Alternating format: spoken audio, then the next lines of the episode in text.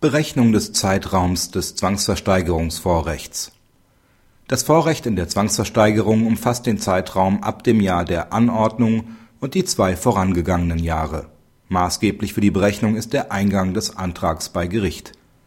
In einem jetzt zum BGH gelangten Verfahren, zu dem es eine Reihe von Parallelverfahren gibt, wird im Dezember 2008 der Antrag der Wohnungseigentümergemeinschaft im Sinne des § 10 Absatz 1 Nr. 2 ZVG wegen Forderungen aus 2006 anhängig gemacht. Im Januar 2009 ordnet das Gericht die Zwangsversteigerung in Rangklasse 5 an. Danach geht das Eintragungsersuchen dem Grundbuchamt zu.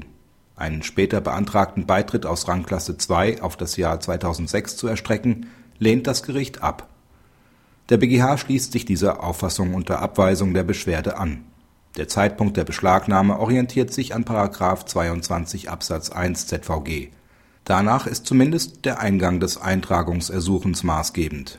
Eine Anwendung des § 167 ZPO scheidet aus, weil weder eine Frist zu wahren noch ein Verjährungsablauf gehemmt oder unterbrochen werden muss. Eine analoge Anwendung kommt nicht in Betracht weil es wegen der Ausnahmeregelung des § 22 Absatz 1 Satz 2 ZVG bereits an einer planwidrigen Gesetzeslücke fehlt.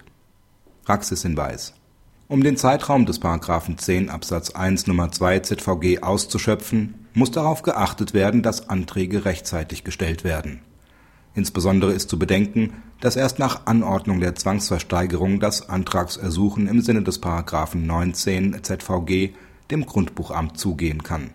Um nicht die Privilegierung für einen Teil der Forderungen wegen des Jahresablaufs zu verlieren, muss für eine rechtzeitige Beantragung organisatorisch ausreichend Sorge getragen werden.